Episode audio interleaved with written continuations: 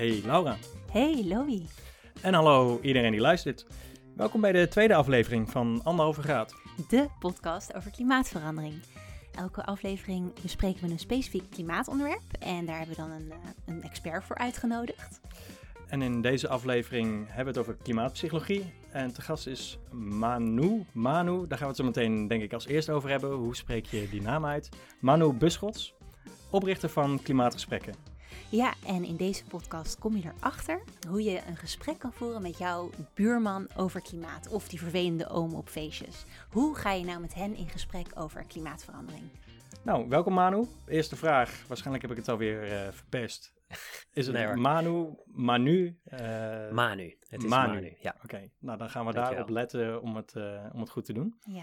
Wat is klimaatgesprekken? Nou, klimaatgesprekken in het kort is eigenlijk in je eigen woonplaats eh, mensen ontmoeten die zich ook betrokken voelen bij klimaatverandering en bij de klimaattransitie. En dan in een aantal workshops zes keer ontdekken wat kun je er zelf nou aan doen. Eh, en dat gaat over je voetafdruk, hè, dus wat kan je doen om minder klimaatschade te veroorzaken, je woning isoleren, minder vliegen. Dan krijg je toch wel ook de standaard dingen, maar ook soms creatieve invallen of dingen die je nog niet wist. Zo, Ehm, zoals, wat is het meest creatieve of het meest bijzondere wat jij hebt geleerd bij eh Nou? Kijk, de meeste mensen die, eh, die weten wel van oké, als ik nog auto rijd, dan eh, zou ik dat minder moeten doen. Of ik zou niet moeten autorijden, of ik zou elektrisch moeten doen. Maar als je daar lang over na gaat denken, wat zijn nou manieren om minder auto te rijden? Dan kom je weer op leukere ideeën. Zoals je kan een keer een collega meenemen, dan staat er één auto stil in plaats van dat de tweede weg op gaan. Of je kan een keertje thuis Eh, dat is toch weer eh, vier dagen in de week in plaats van vijf dagen in de week in de auto. En dat zijn dan, die, als je wat langer bij stilstaat en tips met elkaar uitwisselt waar mensen ook op komen. En dat maakt het wel weer wat leuker en aantrekkelijker. Slimmere oplossingen. Ja. ja. Hoe kwam je er zo op om klimaatgesprekken op te richten? Ik was eigenlijk sinds eh, het, het bekijken van een Inconvenient Truth, was ik wel eh, gealarmeerd geraakt. Ik dacht, ho, de, dat gaat niet de goede kant op met klimaatverandering. Even voor de luisteraars, eh, dat is de documentaire van... Van Al Gore. Ja, Precies, in welk jaar was dat? 2007, denk ik. 2006, 2006, ja. Oké. Ja. Ja. ja, ik heb het opgezocht omdat, ja, dit, dit vraag ik me dan zelf vaker af, hè, van hoe lang speelt het al voor mij? En toen ben Ja. ik eerst gealarmeerd geraakt en dacht van, nou, ik hoop dat ze er iets tegen gaan doen, hè. En dan later eh, ben ik me gaan afvragen, maar kan ik er eigenlijk iets aan gaan doen? En Want eh, even terugkomend op eh, Mhm. een inconvenient truth. ja, Dat, daarvoor was je er überhaupt helemaal niet mee bezig? Of je wist wel van milieu, klimaat, dat er iets aan de hand was, maar, maar niet precies wat? Of hoe, hoe zat dat? Ik, ik ben opgegroeid in de buurt van een bos. De tuin van mijn ouders kwam uit bij een bos. Dus ik heb me altijd heel erg betrokken gevoeld bij de natuur. Altijd heel prettig gevoel, gevoeld bij de natuur. En toen ik eh, jong was, eh, eh, hoorde je wel eens van zure regen, van de ozon. Maar daar was ik nooit zo heel mee bezig. Wat kan ik er nou aan doen? Meer zo van, oh ja, er zijn soms milieuproblemen blijkbaar. En Inconvenient Truth kwam, kwam op een moment in mijn leven dat ik wel wat bewuster al in het leven stond, iets ouder was. En dat ik me ook realiseerde van het is niet alleen fijn natuur, het kan ook echt misgaan. Ehm, ja, dat was voor mij, eh, ja, dat kwam er bij elkaar samen. Dus echt van dat je, je kan genieten van natuur en dat moeten we behouden. Nou, Ja. het kan ook eigenlijk tegen je keren, of Ja. dan wel de vijand worden. Ja, Dat is het omslagpunt daar geweest. Ja. En hoe gaan we ervoor zorgen dat er niet onze vijand wordt eigenlijk? ja. Ja. Ja, van vriend naar vijand. Mooi gezegd, ja. Nou, jij zegt het zelf, hè? Oh, oké, oké. Toen werd je geïnspireerd door die documentaire en toen pas Ja. later begon je eigenlijk Ja. zelf in actie te komen. Ja. Eh, wanneer gebeurde dat? In die tien jaar tussen het oprichten van Klimaatgesprekken en Inconvenient Truth ben ik langzamerhand steeds meer actief op zoek gegaan naar wat kan ik nou doen. En, en eigenlijk gek dat er nog steeds heel weinig aan gebeurt, terwijl dat al heel, ja, steeds langer eigenlijk bekend was, in ieder geval in mijn perspectief na het zien van die film. En toen ben ik op een gegeven moment, ik ben, ik ben een socioloog van achtergrond en ik ben eh, trainer en coach van beroep, dus ik ben al heel veel bezig geweest met gedragsverandering en hoe maatschappijen werken en gedrag in maatschappijen. Toen ben ik een boek gaan lezen en ehm, in dat boek stond de vraag centraal: hoe kan het zijn dat we al zo lang zoveel weten, maar dat we er zo weinig mee doen? Of in ieder geval te weinig eh, ten, ten opzichte van wat de wetenschap ons vertelt. Welk boek? Dat was een boek met een ongelooflijk moeilijke titel, maar het boek van Per Espen Stoknes. What we think about when we don't think about Ja, climate ja, ja, change. Is dat dat vindt hem net zo makkelijk. ja, ja, ja. ja. What we think Wel- about when we try not to think about global warming. En de ondertitel Towards eh, Psychology of Climate Action Ja. of zo. Dat, Ja, ik ja. heb ook, dat is echt Ja. wel een heel fijn boek, maar die is, Ja. die is vrij recent nog, eh Hij volgens is, mij. ja, goed, toen ik, hij was misschien net uit. Toen ik hem las, toen werd dus in het eerste deel heel mooi beschreven vanuit sociologie, vanuit psychologie, een feest van herkenning. Hè? Van eh, oké, dit zit dus allemaal in de weg. Maar in het tweede deel gaat die auteur erin op in van hoe kun je nou diezelfde inzichten gebruiken om wel tot actie over te gaan. En heel simpel gezegd moet je dan die principes omdraaien. En hij, hij noemde daarin ook Carbon Conversations. Ehm, als een initiatief in Engeland, wat, ja, dat het gewoon in praktijk heeft gebracht. Nou, en daar werd ik zo enthousiast van. Ik dacht, dit is het, hè? Dit is het antwoord op de vraag, wat kan ik doen? Want Ja. ik was toen al ondernemer en zelfstandig coach. En ik dacht, ja, dit is helemaal in mijn straatje. Ja. Dus ik heb toen contact opgenomen met Engeland. Van, bestaat het al in Nederland? Kan ik meedoen? Eh, kan ik helpen? Ze zei, nou, het bestaat niet. Nou, dat was mijn tweede vraag. Kan ik het dan in Nederland halen? En, Ja. eh, En hebben ze jou daar, daar toen bij geholpen? Daar, ja, daar hebben ze me bij geholpen, ja. ja, tof. Ehm, sterker nog, nog steeds, als ik ze wil skypen, dan, eh, dan, dan helpen ze, denken ze mee. Dus het is heel fijn om te weten, zij zijn sinds 2016 mee bezig. Ehm heel veel dingen die wij de afgelopen 3,5 jaar in Nederland hebben bedacht en uitgevonden, daar hebben we kunnen profiteren van hun eerder opgedane ervaringen. En eh, stel ik wil meedoen aan klimaatgesprekken, hoe Ja. gaat dat dan? Dan ga ik naar de website en meld ik me aan en dan? Ja, zo simpel is het. Ehm. En dan kun je er kunnen er twee dingen zijn. Of wij zitten al in die, in die woonplaats van je. Dus dat zijn er nu ongeveer 50. Dat is wel een van de dingen waar Klimaatgesprek in gelooft. Dat als je het gewoon op je eigen manier in je eigen woonplaats kunt doen. Dan is de kans dat het eh, succesvol wordt, dat het bij je past, dat het echt duurzaam blijft bestaan veel groter dan wanneer er, eh, ja, je toch het verhaal van iemand anders moet uitdragen. Ja. Dus eh, Dus dan heb je je aangemeld en dan kom je Ja. dus in een groep terecht bij jou in de buurt. Ja, dan krijg je een mailtje op een gegeven moment van, je, van de coach bij jou in de woonplaats. Als je in Amsterdam of Utrecht bent, kunnen dat eh, meerdere coaches zijn. En die zegt van, goh, wat leuk dat je hebt aangemeld. Ehm, eh, en, en, en, en dan ja, word je uitgenodigd voor de eerste avond. En daarin wordt ook besproken van, hoe, hoe zie jij de rol van het individu? Ehm, hoe kijk je aan tegen klimaatverandering? Wat zijn jouw redenen om dingen te willen veranderen? Wat zoek je in de workshopreeks? Eh, eh, nou ja, die andere groepsleden leren kennen. Het zijn groepen van vier tot acht mensen. En het is dan een reeks van hoeveel? Zes. Zes Ja. avonden. En de meeste mensen vinden dat vooraf. Die denken van, oeh, zes, dat is wel veel. En dan aan het einde zeggen ze altijd, oh, het is alweer voorbij. Wat kort. Oh, en dan kunnen er reunietjes komen. Dat kan op allerlei manieren zijn. Het, ehm, er is één groepje waarvan ik toevallig weet, dat is een vega-clubje bl- blijven zijn. Ehm, maar je kunt ook zeggen, we gaan eens bij elkaar op het werk eh, kijken. Ja. Ehm, we, gaan, we gaan blijven hardlopen. Weet je, weet je wat het is? Bij klimaatgesprekken gaat het niet alleen maar over een lijstje afwerken van dingen die je zou kunnen doen. Het gaat over elkaar echt leren kennen en, en helpen in wat maakt die verandering voor jou nou makkelijker of moeilijker. En daar ontstaan dus ook vriendschappen uit. Dat kan in ieder geval. Eh, je kan ook weer eh, na Is- zes keer Is afscheid er, al, nemen. is er al een Ja. klimaatgesprekken relatie, klimaatgesprekken baby? Goeie we vraag. Er zijn wel klimaatgesprekken relaties, maar die bestonden al voordat ze... Ja, oké, dat is niet eerlijk. Nee, nee, nee, nee. Ja, ik zou het eens moeten nagaan. Ehm, je bent dit nu een aantal jaar al aan het doen. Mhm. Eh, wat is je grootste les tot nu toe geweest?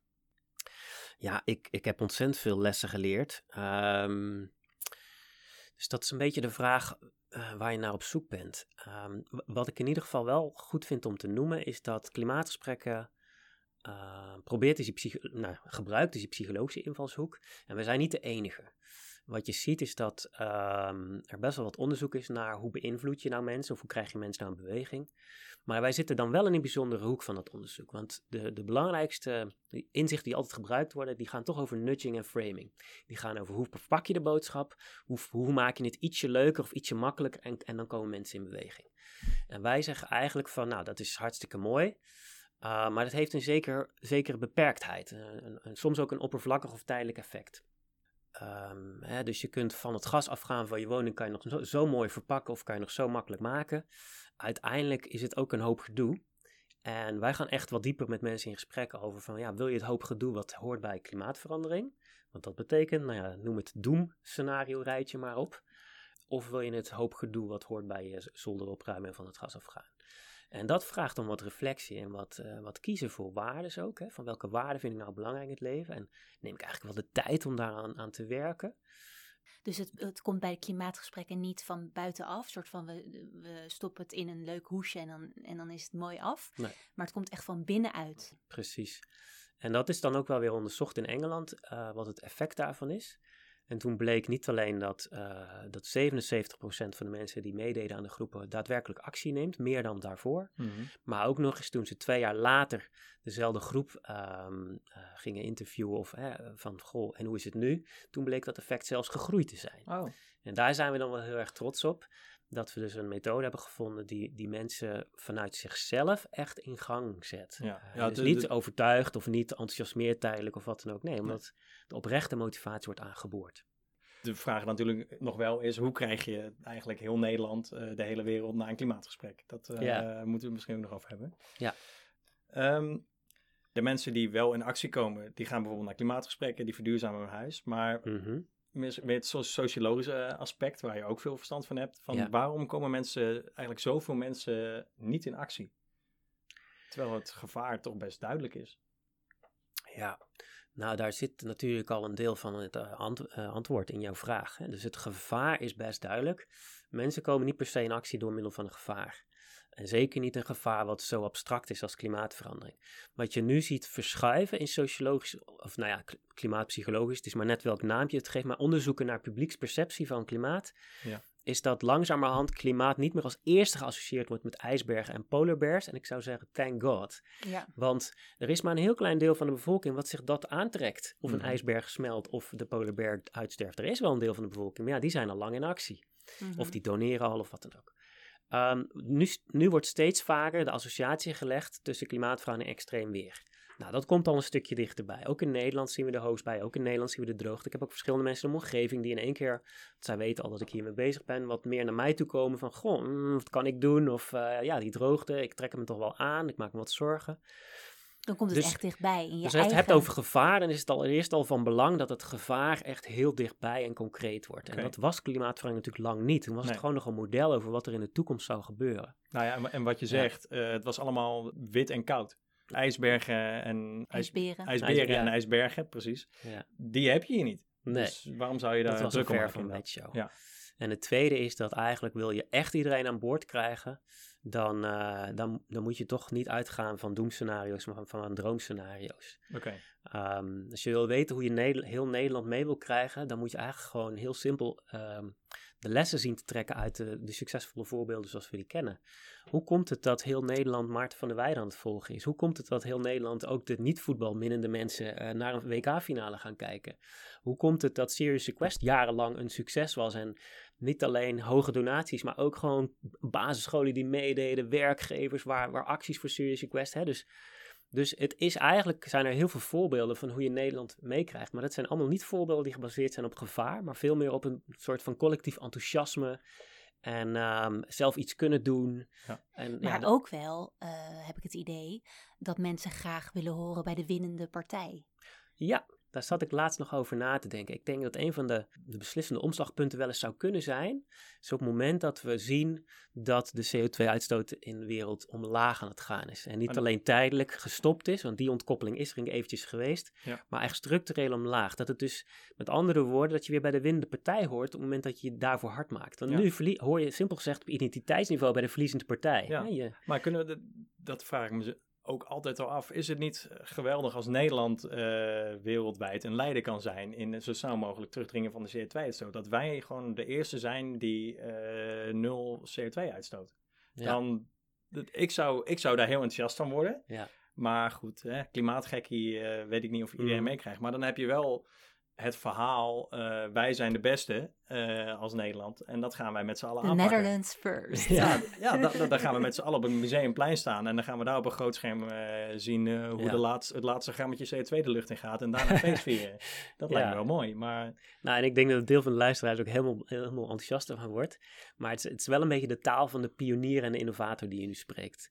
En dat is zo'n 5 tot 10 procent van de bevolking. En als je kijkt naar de normaalcurve van hoe nieuwe veranderingen worden geadopteerd, dan zie je dat eigenlijk het grootste deel zit in die groep daar nog een stuk achter. En die Ja. wil eigenlijk bewezen technologie. Mijn buurman, de hele straat doet het al. Het is wat goedkoper geworden. Ja, De- voor de die, die willen de Microsofts van deze wereld en niet de nieuwste of, de, of, of het ehm, Nieuwste eh, snufje. nieuwste snufje of, het, of de nieuwe software van een andere partij die lekker onafhankelijk is. Nee, die willen gewoon mainstream. Ja. Dus, doe dus maar normaal. de, eh, de, de missie van klimaatgesprekken is ook klimaatvriendelijke keuze het nieuwe normaal maken. Ja.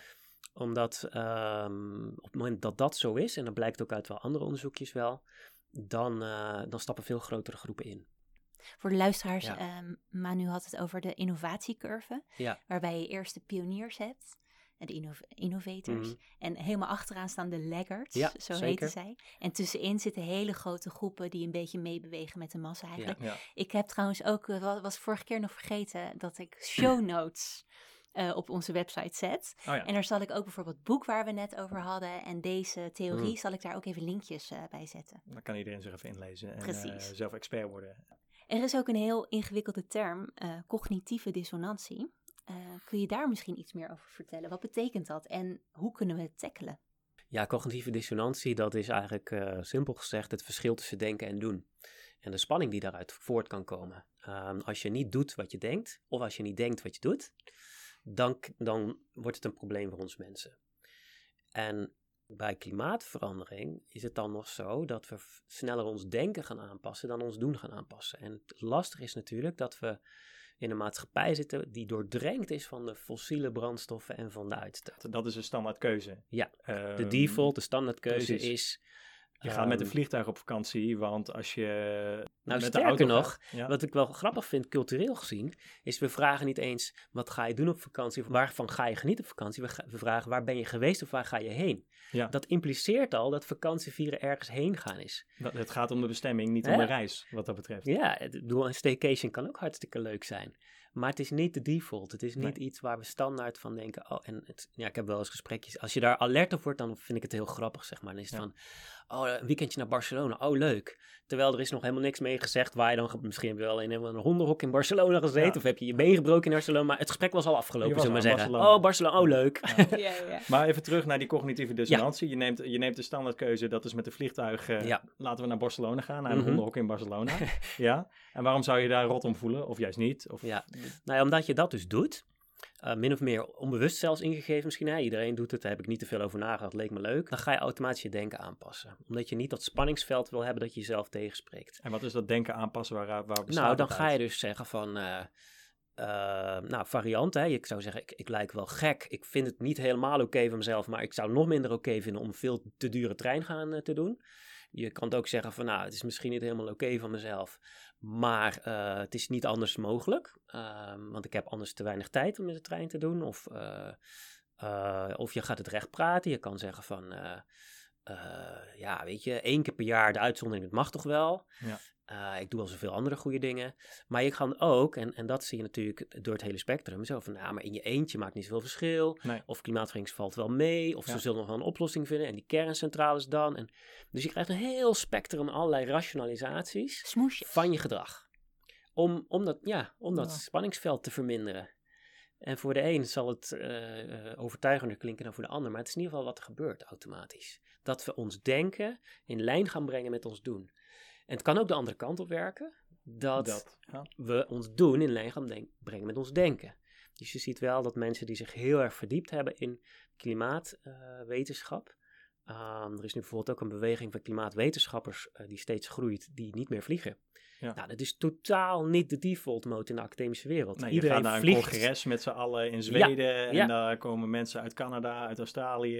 Daar worden 10.000 Dat hoort zo, vanaf. dat heb je nodig voor je carrière. Niemand stelt daar vragen bij. Dus als je daarvan afwijkt, dan ben je best wel ehm, eh, spannend bezig. Ehm, maar voor die mensen is cognitieve dissonantie de andere kant op. Dus, dus nog sterker mechanismen dan Ja. beïnvloed worden door de kudde of door de norm. Hey, en hoe kan je dat dan aanpakken? Want je, je zegt, nou ja, die, die, die vliegvakantie die ga je achteraf eh, rationaliseren. Hoe zou je daarmee om kunnen gaan? Eh, misschien zelf of als, eh, als je een gesprek met zo iemand hebt? Kan dat überhaupt? Ja, de vraag is of je dat wil, hè? Weet ik niet. Misschien is het ook wel prettig om dat gewoon zo ehm, eh, te doen. Eén keer per jaar jezelf die uitzondering te gunnen. Ja, Ehm, niemand kan perfect zijn. Dan moet je, ja. ja. goed, dat vind ik ook inderdaad. Nou, dat je- is je- ook zo'n je, uitspraak, moet, ja. je moet elkaar niet de maat gaan nemen omdat iemand eh, eh, niet 100% geweldig is op, eh, op gebied van klimaat. Natuurlijk Ja. niet. Nee. Dus, ehm, Zeker dat opgeheven vingertje, dat, hel- dat werkt Nee. vaak echt averechts ook, toch? Ja, precies. Want dan ga je nog duidelijker uitleggen waarom, het, eh, hè, waarom je toch goed bezig bent. Iedereen heeft die behoefte om goed bezig te zijn. Dus, en, en de meeste mensen hebben ook, ik bedoel, ook intentie. Dus er zit geen, hè, er zit geen kwaad nee. Hmm. of achter. Ehm, en iedereen doet ook wat in zijn eigen mogelijkheden er Ja. is, zeg maar. Maar, maar stel wel, eh, je wil het gesprek toch beginnen eh, van mensen waar je, waar je heel duidelijk van ziet. Nou, daar is een flink stuk cognitieve dissonantie bezig. mhm. Hoe pak je dat aan? Dat komen we natuurlijk ook wel tegen in de klimaatgesprekkengroepen. Ja. Hè? En wat we eigenlijk als eerste doen, is mensen gewoon de, überhaupt dat is hardop laten uitspreken. Want al, dat doet al heel veel. Van als Mhm. je weet, stel je weet dat van iemand. Hè? Ik denk dat dat is wel belangrijk om, om mee te beginnen. Van, Mhm. eh, goh, eh, daar zou je dan het gesprek mee kunnen openen. Van, hey, ik weet dat jij bij Milieudefensie werkt. eh, dat je het allemaal heel belangrijk vindt. Dat je er ook best wel vanaf weet. En, en toch ga jij de, op, op vliegvakantie. Weet je hoeveel dat eh, voor invloed heeft op het klimaat? En hoe, hoe, ja, hoe plaats je dat dan voor jezelf? Of welke Mhm. betekenis geef je dat dan? Of waarom klopt dat dan voor jezelf? Dat is dan de eerste vraag. Zet je dan niet iemand meteen al heel erg vast? Van, oh, hey, ik doe blijkbaar iets niet goed. Het is een vraag. Ehm, en het is wel een vraag die, die, zeg maar, die cognitieve dissonantie, kan blootleggen. Dus, maar het het is wel be- belangrijk dat je het vanuit oprechte nieuwsgierigheid doet. Want je weet niet wat iemands achtergrond is. Stel, jij hebt net allerlei andere maatregelen gedaan. Of dit is voor jou de laatste keer dat je het doet of wat dan ook. D- dan is het misschien wel juist ontzettend goed en knap en, en, Ja. en gaaf dat je, dat, je, dat je dat zo doet. Ja. Dus het is niet meteen vanuit een oordeel van... huh, huh, Je weet de maar meer vanuit nieuwsgierigheid. Ja. Ten eerste van, hè, ben je er bewust van? En hoe ga je daarmee om voor jezelf? Maar goed, een klimaatgesprek is nooit helemaal zonder gevoelige puntjes erin. Mm. Uh, maar luisteren, vragen stellen, dat helpt al enorm. En vervolgens ook niet aan die ander vertellen van uh, zo zou je het moeten doen, maar meer aan de ander vraag stellen, waardoor die aan zichzelf vertelt van oh, Ja. zo vind ik dat ik doen of zo praat ik dat voor mezelf. Dus zo voorkom je ook dat opgeven vingertje. Je gaat niet een Ja. ander eh, van A tot Z vertellen hoe Ja. iets nou precies zit. Het is denk ik ook heel erg de synergie tussen eh, individu en wat de maatschappij je voor keuzes eigenlijk aanbiedt. Want je kan wel proberen om zo duurzaam mogelijk te leven daarin. Alleen als je niet het geld hebt of niet Mhm. eh, de mogelijkheden qua isolatie in je huis bijvoorbeeld Ja. beschikt om inderdaad aan gasvrij te gaan. Ja, dan, dan, kan het, dan kan het oprecht ook niet. Nou ja, en dan kan je er wel langer, lang of kort over praten of je er slecht over voelen, maar Ja. daar heb je weinig aan. En dan ga je, denk ik, zoals ik dat dan hoor, eh, je voelt je dan al slecht, waarschijnlijk misschien Mhm. omdat je, je huis eh, niet zo heel duurzaam is. Dan ga je misschien ook wat minder druk maken over die andere dingen, omdat je dan die rationalisatie kan maken van, oh, klima- klimaatverandering is misschien niet zo erg. Nou, dan hoef ik die andere dingen misschien ook niet te Ja. doen. Ik weet niet of dat een analyse is waar je in kan vinden. Of... Jawel, in ieder geval maakt het de, de, de, de coach en ook een beetje de klimaatcoach eh, op twee punten eh, wakker in mij. Ik denk dat je een, een rake snaar raakt op het moment dat je zegt van... eh, het is goed om jezelf niet helemaal te verliezen. En als je, als je het heel slecht tot je mogelijkheden behoort, om daar dan schuldig over te gaan voelen of daar dan eh, een, letterlijk een schuld voor aan te gaan, hè, dan, dan ga ga je eigenlijk als individu, wat mij betreft, een beetje te ver. Waarom? Je gaat er zelf aan onderdoor. Dat kan toch niet de bedoeling zijn van een planeet redden? Dat zeg ik toch ook altijd tegen mensen die zeggen, ja, moet ik nog wel kinderen nemen, want dat is slecht voor de planeet. Ik denk, nou ja, als we de planeet gaan redden door, doordat niemand meer kinderen neemt, Nee. waarom zou hem dan nog redden? Ze zeggen altijd, denk aan de generaties na ons. Ja, dan moeten ze er wel zijn. Ja, dus laten we alsjeblieft naar oplossingen zoeken die passen bij een, een, een wereld die we ook echt kunnen waarderen. Ja. En niet een wereld waar we aan ten onder gaan. Dat is de ene kant. En de andere kant van de coach die wakker in gemaakt wordt, is toch dat je zegt van, hè, behoort niet tot de mogelijkheden. Ik, ik geloof echt dat er heel veel mogelijk is als we maar willen en als we Mhm. het maar willen zien. Uh, maar het vraagt soms wel nogal veel. Uh, om nogal andere dingen. Um, de regering is ook makkelijk in dat soort dingen roepen. Hè. We moeten niet de extreme maatregelen nemen, want van 130 naar 120, dat zou dan extreem zijn. Nou ja, we hebben jarenlang zonde gedaan. Er zijn een heleboel landen waar het zonde had, dus dat, dat is niet extreem. Maar ook een autoloze zondag is helemaal niet extreem. Um, het is lang geleden dat we het in Nederland hadden. Maar als het een dagje stormt, dan zijn ook alle auto's bijna van de weg. He, dus het is echt heel erg afhankelijk van hoe je er naar kijkt. Um, en hoe je het dan benoemt weer. En hoe je het beleeft met elkaar wat extreem is. Uh, en, en ja, dat betreft is risico's in maatschappijen en politieke maatregelen. Dat zijn heel interessante studiedingen. Want niemand vindt het extreem om... Uh, uh, drie weken nadat er een stintongeval is, een wet aan te passen. Maar iedereen vindt het wel extreem als er een IPCC-rapport verschijnt, wat eigenlijk zegt: dit gaat niet over één kind, maar over alle kinderen. Ja. Om dan de snelheid te verlagen. Dat zijn we, dat, dus dat, dat staat feitelijk niet tot de, in verhouding tot elkaar. De maar risico's... dat is dan misschien weer die cognitieve dissonantie, ja. waarvan je denkt: van wow, dat, zijn, dat het klimaatprobleem is zo groot. Ja. Uh, dat, is, dat is haast niet meer op te lossen. Ja. En terwijl bij zo'n stint denk je van oké, okay, uh, wet aanpassen, opgelost. Opgelost, wat, ja. Wat, wat ja. denk ik ook is bij zo'n stint, dan zie je, nou ja, je ziet ze, je zag het gelukkig niet, maar je, Mm. je, je weet, kinderen, kinderopvang. Komt heel dichtbij. Dat, is, dat komt heel dichtbij inderdaad. Ja. Dat is heel concreet. En bij zo'n IPCC-rapport, nou ja, vooral hoe zo'n rapport geschreven ja, is. dat kan al niemand lezen. Dat is, niet, dat is niet te lezen. De gevolgen, uh, die, die blijven nog vrij abstract. Er zijn geen zeespiegel, ja, meer droogtes, maar...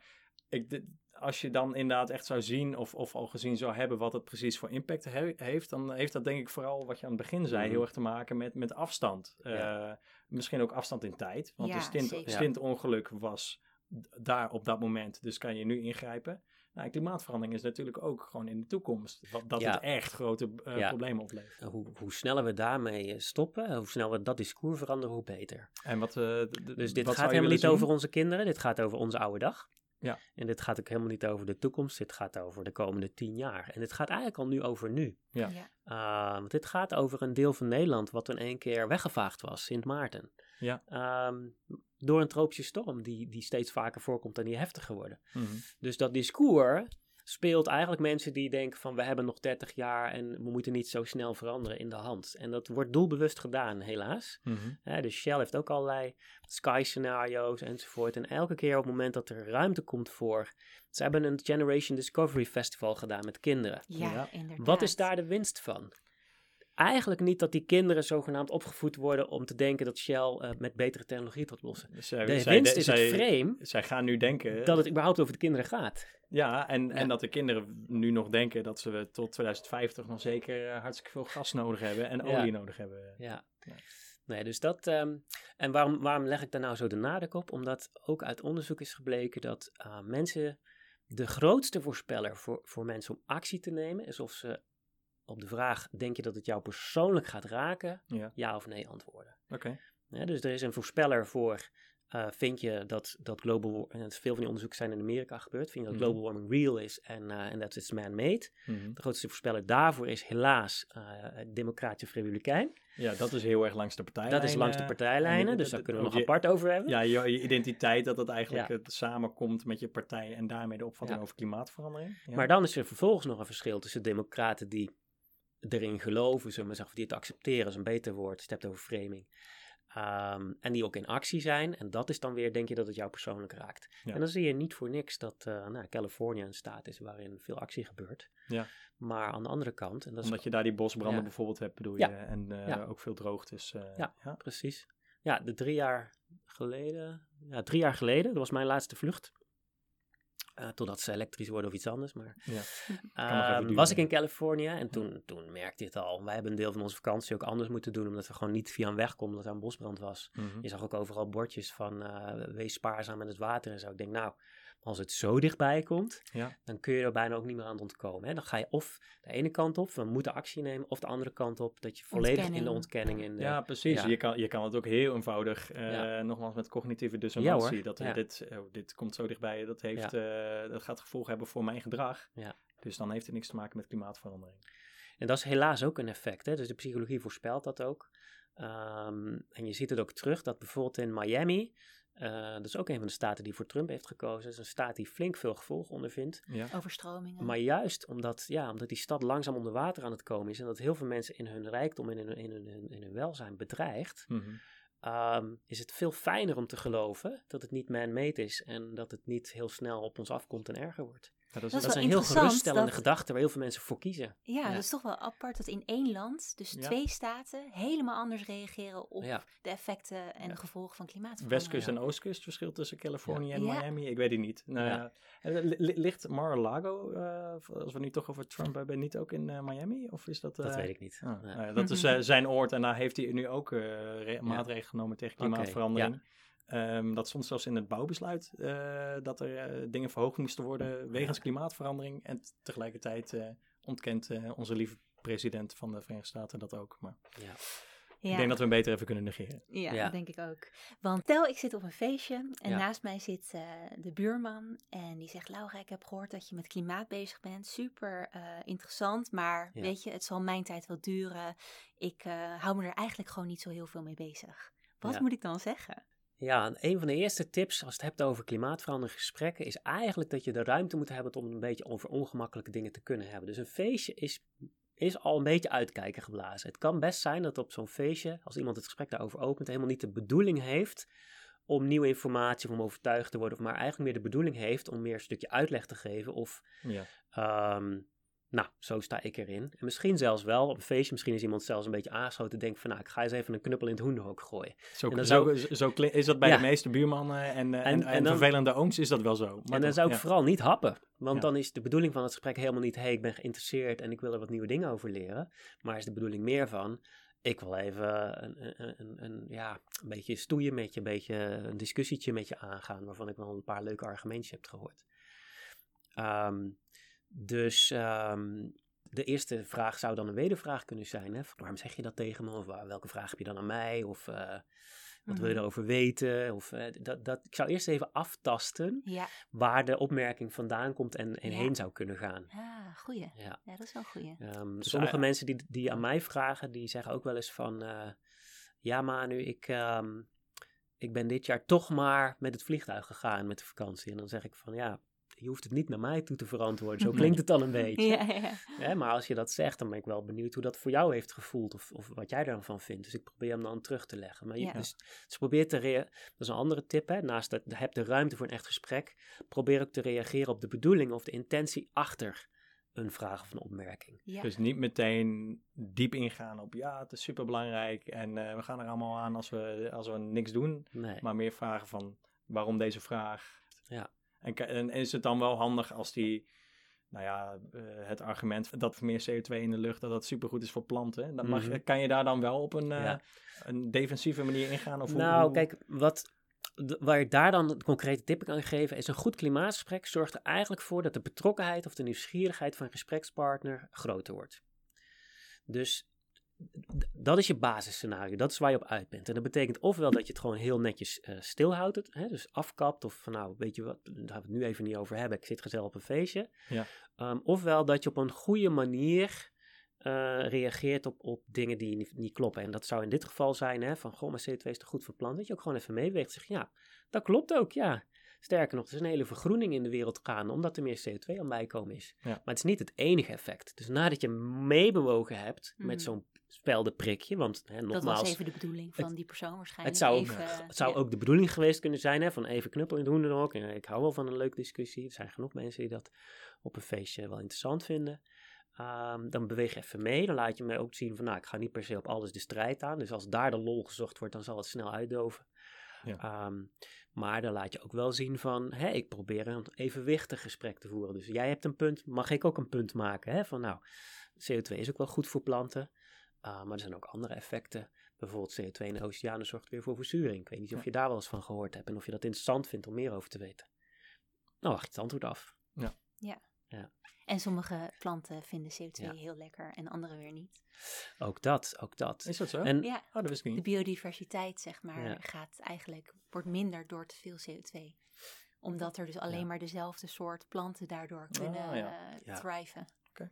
En wat ook wel goed is aan dit voorbeeldje is dat we, ehm, dat we nu moeten proberen ervoor te waken dat een goed klimaatgesprek alleen gevoerd zou kunnen worden als je echt al deze dingetjes weet. Ja. Eh, wij weten dit nu toevallig en we leren ook alweer wat bij meteen, Ja, ja, hè, dus dat ja. is leuk.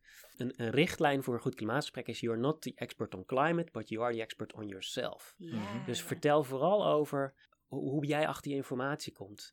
Ja. Ehm, hoe jij je gedrag laat bepalen. ehm, waar jij in gelooft, wat je belangrijk vindt. Ja. Daar heb je altijd expertise van. Dus je kom je ook niet in een soort wel eens, niet eens en oh. Het punt is, zeker als je op internet klimaatgesprekken voert, iedereen heeft altijd wel een linkje. En je zei het eerder ook al in het gesprek dat we beter positief kunnen communiceren Ja. dan negatief. Ja. Eh, want hoe zit dat precies? Eh, Zijn er meer, want ik kan me ook voorstellen dat juist eh, iemand wakker schudden Hmm. of met een negatief doemscenario, dat het bij sommige mensen misschien wel goed werkt. Of is het Ja. gewoon percen- percentueel gezien dat de meeste mensen meer in actie komen door Ja. hoop en Ja. droomscenario? Nou, er zijn een paar dingen over te zeggen. Eh, simpel gezegd, eh, het beeld wat meestal eh, ehm, eh, makkelijk uitlegt, is je hebt een pool of worry. En dat zijn de, de zorgen die mensen zich aantrekken.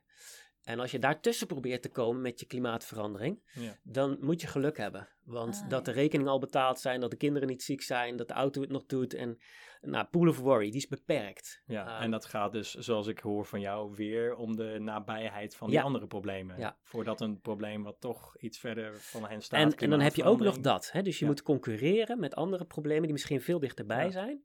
Sterker nog, ik heb dat zelf ook meegemaakt. Ik probeer zo min mogelijk auto te rijden. Maar toen mijn moeder terminaal ziek was een aantal jaar geleden, toen ben ik toch echt een paar keer heen en weer voor lange ritten geweest. Toen dacht ik eventjes van dit is belangrijker. Ja. Dus die pool of worry, hoe dichtbij komt het? En je moet concurreren met de andere dingen die ook heel belangrijk zijn, geldtekort, whatever. Ehm, dus dat maakt het een moeilijke strategie, zeg maar. Ehm, bovendien moeten mensen handelingsperspectief hebben. Ja. Zelfs als je mensen aanspreekt op een gevaar. Stel, het zou onopstotelijk bewezen zijn dat er een meteoriet, hij is nog niet te zien vanuit de lucht, maar er komt een meteoriet keihard op de aarde afsnellen. Nou, dan nog zal je zien dat een aantal mensen denken: oké, ik ga nu eh, met NASA bellen of de site van NASA in de gaten om te kijken wat ik kan doen. Maar dat er ook een heel groot deel van de mensen zal zijn van: nou, weet je wat, ik geef nog één keer een feestje. Ja. En dat was het dan, want ik heb geen handelingsperspectief tegen Ja. deze grote ramp die eraan komt. Dus de pool of worry heeft echt zijn beperking. En de pool of pleasure, ehm, dat is een beeldspraak van er is altijd ruimte voor nog een biertje erbij. ja. Die is veel eh, flexibeler. Dus zelfs als we eh, een moeilijk weekend hebben gehad of ziek zijn, dan hebben we nog wel tijd voor die net die ene Netflix documentaire. Ja, ja, Of eh, nou ja, dat lolletje met de collega op, als de deadlines heel erg hoog zijn of zo. Dus Ja. de pool of pleasure geeft veel meer ruimte en ideeën om, om daadwerkelijk aan de slag te gaan. Mensen vragen me heel vaak van wat is nou de silver bullet of, Ja. de, of de beste oplossing. Er is echt heel veel onderzoek laten zien, er is niet one size fits all. Dus Jammer. kinderen worden het Ja. makkelijkst door kinderen aangesproken. Linkse mensen worden het makkelijkst door linkse politie aangesproken. Gelukkig is er ook onderzoek wat laat zien dat rechtse mensen heel vatbaar zijn voor die klimaatboodschap. Je moet hem alleen echt anders verpakken. Nou, vertel daar eens over. Nou, Wat is daar de silver bullet voor? Geld. Ehm, en dat zie, je ook, dat zie je ook wel terug in verkiezingsdebatten. Hè? Dus die mensen zitten niet stil, gelukkig. Ehm Gert-Jan Segers van de ChristenUnie, wat dan wel een klimaatpartij is, maar ook een rechtse klimaatpartij. Hmm. Die zegt ook eh, in het debatje dat hij met Thierry Baudet, of nou, ik weet niet precies meer wat, maar die zegt ook van, waarom zouden we niet onafhankelijk worden van olieregimes in het Midden-Oosten? Ja. Dat zijn voor rechtse mensen weer de argumenten. Ja. Of een VVD'er zal zeggen van, maak van je huis een energiecentrale. En het is, het is status, een, Tesla. En Ja, het is maar dan gaat het, geldbesparend. Dan gaat het dus niet over klimaatverandering zelf, waar, eh, waar men enthousiast Mhm. over wordt, maar over de oplossing. Ja. Nou, dat is natuurlijk helemaal niet erg, Maar- dat betekent niet Ja. dat ze meegenomen worden in, eh, in het klimaatveranderingsverhaal. Nou ja, is dat het klimaatveranderingsverhaal? Dat is, dat is heel erg vanuit een bepaalde identiteit geredeneerd. Ja. Voor mensen die al jarenlang in de milieubeweging zitten, is het klimaatveranderingsverhaal een verhaal waarin, je, eh, waarin er meer bomen in de wereld gaan komen en we liever zijn voor elkaar en, en een herverdeling plaatsvindt. Ja. Maar dat is niet per se het klimaatveranderingsverhaal. Je kan ook door middel van hele gave fabrieken waar veel geld verdiend wordt en CCS gebeurt, aan klimaatverandering bestrijden. Alleen dat vinden de mensen die oorspronkelijk in de milieuvereniging zaten niet zo'n aantrekkelijke gedachte. CCS Ehm, is het eh, ja, sorry, eh, ja. opslaan van ja, CO2 onder de Ja. grond, eh, dan wel afvangen bij een schoorsteen. Ja, geweldige business case. Eh, volgens mij tot nu toe nog weinig geld mee verdiend, maar... eh, Dat ja. klopt, ja. Maar wel een enorme markt. Nu we het toch over geld hebben. Dat is natuurlijk het debat op dit moment. Eh, wat kost het allemaal wel Ja. niet? Hè? Ja. Eh, afgelopen week ook het klimaatakkoord. Eh, al die maatregelen. Is het wel eerlijk verdeeld? Ja. Ook echt het debat. Ja. Ehm, Ja, je- is dat nou zo effectief? Nou, nou dan, dan kan ik onder andere verwijzen naar het werk van Common Cause. Zij hebben eh, veel onderzoek gedaan wereldwijd naar op basis van welke waarden eh, vertonen mensen nou bepaald gedrag of politieke opvatting enzovoort. En een van de interessante dingen daaruit is, is dat je een soort wipwap-effect hebt. En dat betekent dat als je materiële waarden zoals denken in geld, praten over kosten enzovoort, hè, of het nou rendement of kosten is, dat maakt er Mhm. eigenlijk niet zoveel uit. Dan activeren we dat deeltje van ons brein. Ja. En met een soort wipwap betekent het dat we alle altruïstische en niet-materiële waarden worden dan onderdrukt. Dus begin ik met jou een gesprek over de kinderdagopvang en hoe fijn de lijsten daar zijn enzovoort, dan word jij geactiveerd in, oh ja, ik vind het ook wel fijn dat mijn kind naar een veilige opvang gaat waar een prettige sfeer is. Begin ik met jou het gesprek over dezelfde kinderopvang, van nou, maar het is wel een duur, het, is wel, eh, het, is, het kost best wel meer dan die andere. Dan wordt ook in jouw brein geactiveerd van, nou, hoe duur is dat eigenlijk en heb ik het daar wel voor over? Dus we beïnvloeden elkaar. En er zijn ook nog bepaalde waarden die elkaar sterker uitnodigen of wegdrukken. En geld drukt nou juist goed doen voor de toekomst weg. Dus, dus het- triggert een beetje eigen belang en korte termijn. Dat was twee, drie weken geleden. Was er ook, in ieder geval, ik las op de website van NOS. Volgens mij was het onderzoek van INO. Als dat niet zo is, moet iemand me maar even Mhm. corrigeren. Dat is misschien eentje voor de, Show notes. voor de show notes. dat nu bekend is de kosten van het klimaatbeleid. Mhm. Dat er eigenlijk veel minder draagvlak is eh, Ja. gekomen voor het klimaatbeleid. En dat is eigenlijk gewoon precies wat jij Ja. z- eh, ja, zojuist vertelt en daar in de praktijk ook ziet. Ja. Als het over kosten gaat en het de kosten zijn, nou ja, eh, Ja. niet 0 euro of zo, dan eh, blijkbaar neemt het draagvlak af. Ja, ehm, en nou in ieder geval, dat is het effect van hoe de discussie tot nu toe gevoerd Ja, is. ja. Uh, want het kabinet heeft volgens mij ook nog wel eens bij monden van Wiebes gezegd van ehm, draagvlak gaat door de portemonnee of zo. ja. En dat is een visie die ik niet deel. Als je continu over de portemonnee Ja. hebt, ja, dan gaat draagvlak daar wel doorheen, ja. En, en VVD heeft het vaak natuurlijk over de portemonnee. Dus Ja. natuurlijk, dan is dat jouw, eh, Ja. jouw uitgangspunt. Maar er is heel veel onderzoek laat, dat laat zien dat mensen, het is ook niet verrassend, dat mensen aan het einde van de dag gewoon in de spiegel willen kijken en zeggen, nou, ik, heb van, ik ben vandaag een goede mens geweest, een Ja. goed mens geweest. Ja. Ehm, dus ook- er is ook bijna niemand eens, met- oneens met de stelling van, ik wil de aarde goed eh, nalaten voor mijn kinderen. Ehm, of ik wil een rustige oude dag. Dus mensen zijn veel moreler dan ze worden aangesproken. Er is laatst een leuk onderzoekje geweest, verschenen in het FD Ja. voor wie het wil opzoeken. Ehm, wat liet zien of portemonnees werden teruggebracht of niet. Mensen dachten dat hoe meer geld er in een portemonnee zit, hoe kleiner de kans dat die wordt teruggebracht. En wat bleek, hoe meer geld er in een portemonnee zat, hoe groter de kans was dat mensen hem zouden terugbrengen. Zo. Omdat mensen dus moreler zijn dan Ja. we denken. Omdat mensen dus bij zo'n grote hoeveelheid geld denken van, oh, dit is zo erg voor die persoon, laat ik het nu maar terugbrengen, laat ik nu maar die moeite doen. En bij een klein beetje denken, nou, dat zal die wel niet missen, dat hou ik misschien nog wel. ja, of dan is de moeite eh, Of de- te groot. Of de om moeite inderdaad. Kosten, hè, baten, van- investering ja, misschien Ja, eh, voor jezelf. Ja. En dat je weet wat voor baat het oplevert qua Ja. plezier bij die ander. Dus ehm, ehm, eh, ja, goed, ga je uit van de gedachte van we willen dit eigenlijk met z'n allemaal. Hè, Nederland mooi houden en, eh, en, en de wereld een beetje helpen. En je spreekt mensen erop aan, dan zie je ook op die manier, met wip-wap effect de andere kant op, dat mensen daar ook op reageren, daar ook op aangesproken worden en daar aan mee gaan doen. Serious Request is daar een mooi voorbeeld van trouwens, hè, dat het best wel kan. Ja. Ehm, En moeten we daar niet iets voor gaan, eh, gaan regelen? Moeten we niet een, eh een klimaatrequest? eh, Ja. Kunnen we hier iets groots van maken? Jaarlijks. ja, weet je een positieve grote vibe eromheen neer te zetten, Ja. dan zal het heel veel doen met, met ook een stukje identiteit. En dan kan je weer bij het winnende team horen, ook als, Ja, hè, als je daar veel voor ophaalt. En ja. Kilo, we kilotonnen, megatonnen gaan ophalen voor het goede doel. Maar Hey, eh, dus we komen niet in actie door doemscenario's. We komen niet per se in actie door geld. Nee. Ehm, waardoor komen we dan wel in actie? Moet er dan een enorme ramp gebeuren? Ehm, want je zei ook al, er is geen shortcut, Mhm. geen wondermiddel.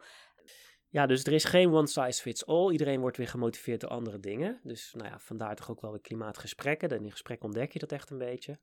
Maar ehm, er is wel eentje die aardig in de buurt komt van de silver bullet. En Wat dat is dat we toch wel heel erg gevoelig zijn voor de norm. Of voor de, wat de kudde doet. Ja.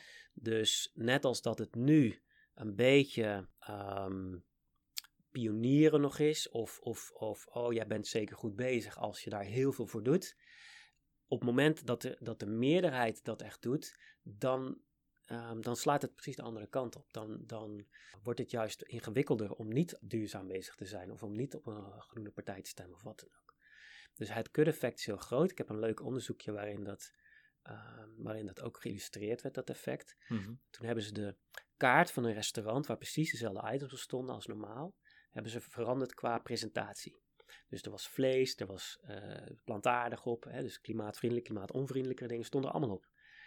En toen hebben ze die kaart veranderd en hebben ze gekeken van, doet dat nou iets met die keuzes van mensen? Toen bleek dat door één belangrijke verandering 56% meer plantaardige gerechten werden besteld. En dat was? En dat was, rapapa, rapapa, ehm, dat ze eigenlijk gewoon de standaard gerechten, de plantaardige gerechten leten doen. En een soort uitzonderingsbox hadden gaan van, wilt u Ja, vlees erbij, dan kan dat ook in het restaurant. En dan moest je eigenlijk alleen dan maar, voelde je dan jezelf... voelde je ja, van, oké, ik, ik doe nu de special request. ja, ja, Hè, ja. dat carnivore geven door, wordt ook wel eens gezegd. ja, Dus wat is de standaard? Daar zijn we met z'n allen heel erg gevoelig voor. ja, ja. Maar goed, dat kan nog best wel een tijdje duren. Hè? We hadden het al eerder over die innovatiecurve. Dat duurt eventjes voordat ja. we daar zijn Hoe, bij hoe die kunnen we dit versnellen? Hoe ja, kunnen hoe we die we zo norm snel beïnvloeden? mogelijk? Ja. Nou, door erover te praten in ieder geval. Hè? Door, Mhm. door te la- want dat, kijk, op het moment dat je er niet over praat, dan lijkt het ook alsof niemand ermee bezig is. Ja. Ehm, ook onderzoek uit Amerika laat weer zien van, eh, heel veel mensen in Amerika denken dat, het niet zo veel, dat er niet zoveel mensen mee bezig zijn. Maar het, het is toch voor 80% van de Amerikanen een ding. Mhm. Dus het is fijn dat nu in de politiek dat gesprek meer, veel meer gevoerd wordt. Maar het is ook belangrijk, en dat is nog een grotere beïnvloeder, dat gewoon de mensen in je omgeving, Ja. eh, dat je het daarmee Dus deelt. eigenlijk nu een oproep aan iedereen. Eh, Iedereen. Ook al denk je, mijn omgeving, Ja. die, die houdt zich hier niet mee bezig, die vindt het niet interessant. Probeer het gewoon een keer. Ja, ik zal, ik zal nog sterker vertellen. Ik heb zelf ook een paar leuke ervaringen ermee. Dat als ik het er. Nou, een paar tips in, in, in één. Hoe je dat aan kunt pakken, zou ik Graag, zeggen. ja. Oh. Daar houden we van, Ehm, lijstjes. Allereerst, ehm, deel een, een, een actie waar je oprecht achter staat. En liefst nog een beetje enthousiast van bent. Hè, bijvoorbeeld, ik had laatst een vegetarische schnitzel. Was super lekker. De kinderen genoten er ook wel van. Dat is stap 1. Waar je oprecht achter staat. En het liefst nog een beetje leuk uitpakte. Ja. Stap 2. En die zat eigenlijk al in mijn voorbeeldje. Begin niet over, dat heb ik voor klimaatverandering gedaan, maar voeg het er eventueel aan toe. Zo van, nou, het was, eh, ik kon hem makkelijk vinden, ik heb hem zo in de super gehaald, hè, het was makkelijk te koken, kinderen vonden hem lekker. Dus allemaal andere argumenten, allemaal, hè, die, die, eh, en dan dacht ik van, ja, ik vind het ook wel een prettige gedachte, dat ik daarmee weer kan bijdragen aan klimaatverandering. En dan kijk je gewoon hoe er gereageerd wordt. Dus je begint erover, je voegt klimaatverandering aan toe, ehm, of aan het, het, versnellen van de klimaattransitie. Dat is dan Ja. positieve framing, zeg Ja, maar. precies, ik zei het ook net verkeerd in het vol, maar ik Ja, denk dat iedereen begreep. Ehm, dus dat zijn de twee tips. Begin er niet meteen over, want Ja. dan kan het zijn dat je meteen al eh, de verbinding kwijtraakt. Van, oh, dat is wel heel overdreven. Maar ja, hoe kan iemand nou zeggen dat het wel heel overdreven is dat jij het gewoon leuk vond om te koken en de kinderen vonden het lekker? Dan, Ja. hè, dan heb je, zit je in ieder geval niet in die Kan je modus. niet op tegen zijn. Ja. En, en dan ja, valt het misschien wel, of komt het misschien wel binnen en zeggen, oh ja, ja, het, ja, dat is leuk dat je op die manier kunt bijdragen. Ja, En merk je dat het ook wel, eh, wel eens werkt? Of ja dat je zo'n gesprek eh, op een andere route aanvliegt en uiteindelijk toch op klimaatverandering uitkomt, daar een Ja. gesprek over hebt? Ik heb, ehm, we hebben bijvoorbeeld een straatborrel. oh, dit gaan mensen uit mijn straat misschien herkennen, maar goed. dan weet ik meteen wie er naar deze podcast luistert. Nee, maar we hebben bijvoorbeeld een straatborrel en we hebben dan panelen gelegd. En we zijn de tweede in de straat die dat doen. Ja. En dan krijg je allerlei vragen, hè, want eh, dan is het van, oh, en hoeveel levert dat dan op? En, Ja, eh, enzovoort. En toen zei ik van, nou, zo en zo. Hè, dus ik ga eerst mee met het antwoord op die vraag. En ik zeg, en ik zeg, ja, maar ik doe het ook wel omdat ik eh, op deze manier wil bijdragen aan, aan klimaatverandering minder Ja. maken. Ik maak me daar wel zorgen over. En toen zag ik zo bij mijn gesprekspartner, bij mijn buur, een, een iets andere houding. En toen zei hij er bijna stilletjes achteraan, ja, dat eh, vinden wij ook belangrijk hoor. Eigenlijk om je te... Toen kwam de aap uit de mouw. ja, Maar dat, dat is misschien wel een heel duidelijke indicatie van dat het nog niet de norm is. Als je het Nee. bijna fluisteren moet Ja. gaan zeggen, dat betekent Ja. wel wat dat heel normaal is in eh, Nederland is ja. de koopman spelen. En wat Precies. heel, waar we heel voorzichtig in zijn in Nederland is de dominee zijn. Ja. Hè, Dat dus zeg maar, vingertje, Het, dat, hebben, eh, het hebben over waardes. Dus Ja. ik- het hebben over waardes is niks mis mee. Alleen doe je het met van, hé, hey, ik ben goed bezig en jij verkeerd. Dan ro- roept het natuurlijk wel weerstand op. Maar op het moment dat je zegt van, hé, hey, ik heb dit gedaan, ik ben er blij om. En dat doe ik ook om morele redenen. Dan roep je niet meteen weerstand op. Nee. Dan hou je het bij jezelf. Dan lig je het gewoon toe. En dan kan een ander uitnodigen om te zeggen, nou, ik vind dat ook belangrijk. En ik Ja. heb het al meerdere keren meegemaakt dat als ik dat er gewoon aan toevoeg. Ik heb zelfs een keer gehad, dat is heel grappig, was op ondernemersborrel. Ze hadden alleen maar brood en vlees. Dat was een soort buurt buiten barbecue. Mhm. En nou ja, ik ben niet per se tegen vlees eten. Ik doe het alleen graag zo min mogelijk. Dus, Mhm. dus ik dacht, nou prima, dan eet ik brood eh, niet alleen kaal, want dat vind ik ook voor wat. Dus dan eet ik vlees erbij. En ik zat dat op te scheppen. En ik zeg, nou, dat is wel lang geleden dat ik nog eens vlees eh, at. En die andere ondernemer die zei, ja, voor mij ook wel. Ik zeg, eh, oh, eh, hoezo dan? Ehm, hij zegt, ja, ik ben eigenlijk vegetariër. Ik zeg, oh, ja, ik ben een klimaatariër. En, en, en kortom, we kwamen er eigenlijk achter door er gewoon open over te Ja. spreken, dat we allebei daar heel veel mee hadden. Ehm, terwijl als we er niks over hadden, dan, Ja. dan waren we allebei in de veronderstelling Ja. geweest van, oh, niemand trekt zich hier iets aan van dierenleed of van klimaat. En, Ja. nee, dan, dan kijken we naar elkaars gedrag in plaats van eh, de toelichting daarop. Dus dat, eh, Dus ja, dat vind ik het leuke, leuke voorbeelden van als je het Ja. gewoon aan toevoegt. Van, Ja, eh, ja. Mooi. Hey, en eh, gaan we het eh, redden? Binnen de anderhalve graad blijven? Ben je hoopvol? Ja, moeilijke vraag. Ehm, allereerst ben ik wel heel erg fan van het wer- werk van Jelmer Mommers, die zegt van misschien moeten we ook een beetje ophouden met eh, ehm, dat er een soort apocalyps of, of afgrond is, of een soort beeldspraak van, we, van hè, we gaan die anderhalve graad, die twee graden redden. Mhm. Ehm, want het, op meerdere manieren kan die tegen ons werken. Ehm, Zo'n hard doel bedoel je? Zo'n hard doel, ja. En het eh, aantal eh, ehm, moleculen per miljoen Ja. dat in de lucht moet zijn. Ik denk dat het ons helpt in psychologische zin dat we, dat we vooruitgang kunnen maken. Mhm. Ehm, en of dat ertoe bij gaat dragen dat we het gaan redden. Hè, dus dat, in mijn optiek zou dat dan zijn dat we klimaatescalatie gaan voorkomen, dat weet ik niet. Uh, dat hangt van een heleboel onzekere factoren af. Hoeveel andere mensen doen, hoeveel andere landen doen, welke technologie er nog beschikbaar komt. Uh, wat er gebeurt als de eerste grote klappen gaan vallen. Of dat meteen zorgt voor een uh, ineenstorting van uitstoot. Het zou ook Ja. nog kunnen. Het is niet Ja. positief dat het gebeurt. Maar het, kan, het, het is in een heleboel onzekerheden in de toekomst. Ja. Wat ik weet, is dat je kunt bijdragen. Wat ik weet, is dat elke bijdrage die we leveren, geeft ons meer tijd om oplossingen te verzinnen. En daar hou ik me dan maar aan vast. Als het gaat om, is het zinvol om, om, om, uh, uh, om in actie te komen. En, um, en ik put ook hoop uit de geschiedenis. Uh, we vergeten wel eens hoe snel dingen soms veranderd zijn. Zeker. Ja. In 1915 was New York nog bezorgd dat de straten te smal zouden zijn om al die paardenpoep Ja. te kunnen Ja. uh, opvangen. Ja, precies. Hè, dus als we het hebben over klimaatverandering, heb je het soms ook over 2050 of over 2100. Er zijn genoeg culturele voorbeelden in de geschiedenis die heel snel veranderd zijn. Dus als het gaat om, om normverschuiving en de impact daarvan, ben ik wel hoopvol eigenlijk. En wat is dan daarin het, belangrijkste dat moet gebeuren om de opwarming zoveel mogelijk binnen de grenzen te houden? Nou, ik denk dat als klimaatverandering niet meer een politiek onderwerp is, maar gewoon hetzelfde als we hebben allemaal wegen nodig en riolering nodig en, en dijken nodig, hè? ja, dan gaat het veel en veel sneller. Ik vind het ook fascinerend dat in het begin, hè, toen de eerste waarschuwingen van klimaatwetenschappers komen, dat George Bush, republikein, gewoon zei van Ja. the greenhouse effect, we're gonna do the White House effect. En ook in Engeland, ehm, Thatcher was ook vol, hè, ook een conservatief politicus, was ook vol voor klimaatverandering bestrijden. Daar moeten we weer terug in terecht zien te komen. Ja, Dat Klimaat is niet klimaatverandering van gaat links niet of naar links of rechts, nee. Het gaat Nee. gewoon over een druppel water die wel of niet op je hoofd valt. Ja. Ehm, of die door de dijk heen breekt. Of, of de hittegolf waar je van wakker ligt. En dat gaat over iedereen. En dat is gewoon iets wat we moeten geregeld hebben als... ehm, hè, dus eigenlijk, ondanks dat ik van klimaatgesprekken ben... ehm, hoop ik dat er een soort van eh, ver- verandering plaatsvindt. Ja, dit, is, dit is iets waar we het niet eens over moeten hebben. Ja. Wat we gewoon geregeld moeten hebben. Maar daar moet dus die norm voor veranderen Ja. om het echt te depolitiseren natuurlijk. Ja, alle politieke partijen zijn het daar gewoon mee eens. Gaan we, Ja. Dit gaan we Ja, regelen. precies. Net zoals we een gezondheidszorg hebben, een klimaatzorg. En, Ja. eh, nou, Onze podcast heet Anderhalve Graad. Misschien Ja. dus niet zo'n goede titel na jouw... eh, Nee, want wat gaan we doen als we op 1,6 zitten? Gaan we, dan de, gaan we dan de handdoek in de ring gooien? Zeker niet. Nee, zeker elke, elke tiende graad eh temperatuurstijging die we kunnen voorkomen. Is al eh, een goede zaak. Is een Ja. dikke winst. Ja. Daarom. Maar goed, onze podcast heet vooralsnog anderhalve graad. Misschien dat we dat in de toekomst nog gaan veranderen. Eh, wat, kunnen, wat is het beste dus om... wa- wat is de beste maatregel om dat nog te halen? Misschien heb je het al wel een beetje verteld hoor, maar... Ja. Ehm, nou ja, en, en als je dan de individuele luisteraar aanspreekt, dan zou ik in ieder geval willen meegeven dat het gaat niet alleen om je voetafdruk, maar het gaat ook echt over, het, eh, over je handafdruk, zo noemen wij dat.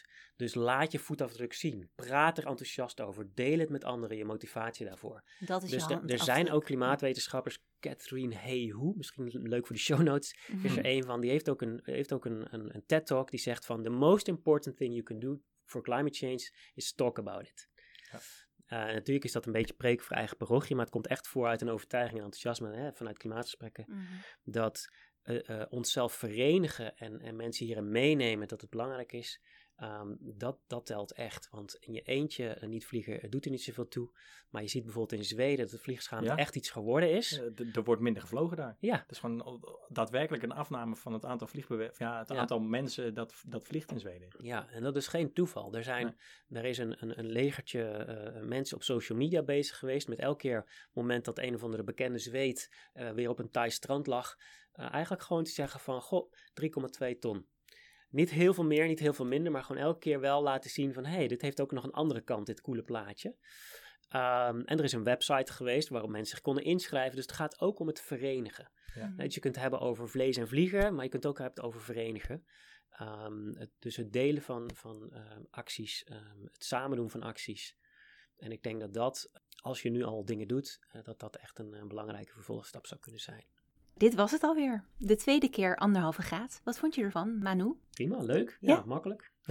ja, we hebben je ook weinig huiswerk gegeven. Of eh, het Ja. was niet echt een overhoring. Dus Nee, eh, nee. er kon ook weinig echt fout gaan volgens mij. Ja. Hoe vond jij het gaan, Louis? Ja, ik vond het. eh, ik heb zelf ook wel weer, weer lekker veel geleerd. Ik ook. Dat was ja. de vorige keer ook al zo, maar deze Ja. keer nog wat meer ook op echt theoretisch gebied. Mhm. Kijken of ik. eh, En ik helemaal ga- ingezoomd op één onderwerp. Ja, kijken of ik het ook echt eh, netjes in de praktijk kan gaan brengen. Ik heb, eh, Hmm. was volgens mij afgelopen wintersport, ben ik nog, eh, heb ik het geprobeerd bij een vriend van me om in de auto te gaan hebben over klimaatverandering. Ja. Maar daar kreeg ik toch echt weinig op terug. Want dat, ik vroeg het ook echt direct van, nou ja, je weet ik werk bij Milieudefensie Ja, en veel bezig met klimaat. Ja, hoe zit dat eigenlijk met jou? Nou, Ja, kreeg goede open vraag. Ja. ja, maar dan, dan kreeg ik terug van, ja, weet niet echt eigenlijk. ja, en dan, dan, dan is het al snel... eh, Maar dat is genoeg, hè? Dat, eh, een van onze tips is ook van probeer iemand niet te veranderen of te overtuigen, maar plant zaadjes. Ja. Dus op het moment dat hij daaraan toe is, dan zal hij bij je terugkomen. Ja. Of het, het zaadje wat jij daar hebt geplant, telt zich op met meerdere momenten en andere informatie in zijn leven. En op een gegeven moment denkt hij, Ja. nou ben ik eraan toe. Dat, ja, dat, we hebben allemaal zo'n moment of zo'n zo'n proces van op een gegeven moment dan, Hmm. dan zet je die extra stap. En eh, dat is zelden in één gesprekje Ja, gevraagd. Dus, ja. ja. Nou, eh, eh, bedankt Manu. Ja, Ja, heel graag erg gedaan. bedankt. En ehm, als je luistert en je vond het super tof, dat kan. Like ons dan even op eh, socials of eh, laat even een leuke reactie achter. Of je kunt ook, ons ook mailen eh, naar anderhalve graad milieudefensie.nl. Ja. Of als je het ook niet heel tof vond, eh, je Ja, hebt verbeterpunten, tips, laat het ook even weten. Ja, Ja, ja. precies. En de show notes dus op onze website. Check ze vooral. Ja, dat beloof jij dat je dat gaat doen. Hè? Ja, dat beloof ik. Alright, nou, eh, dan was het hem. Dat was hem. Tot de volgende. Tot de volgende.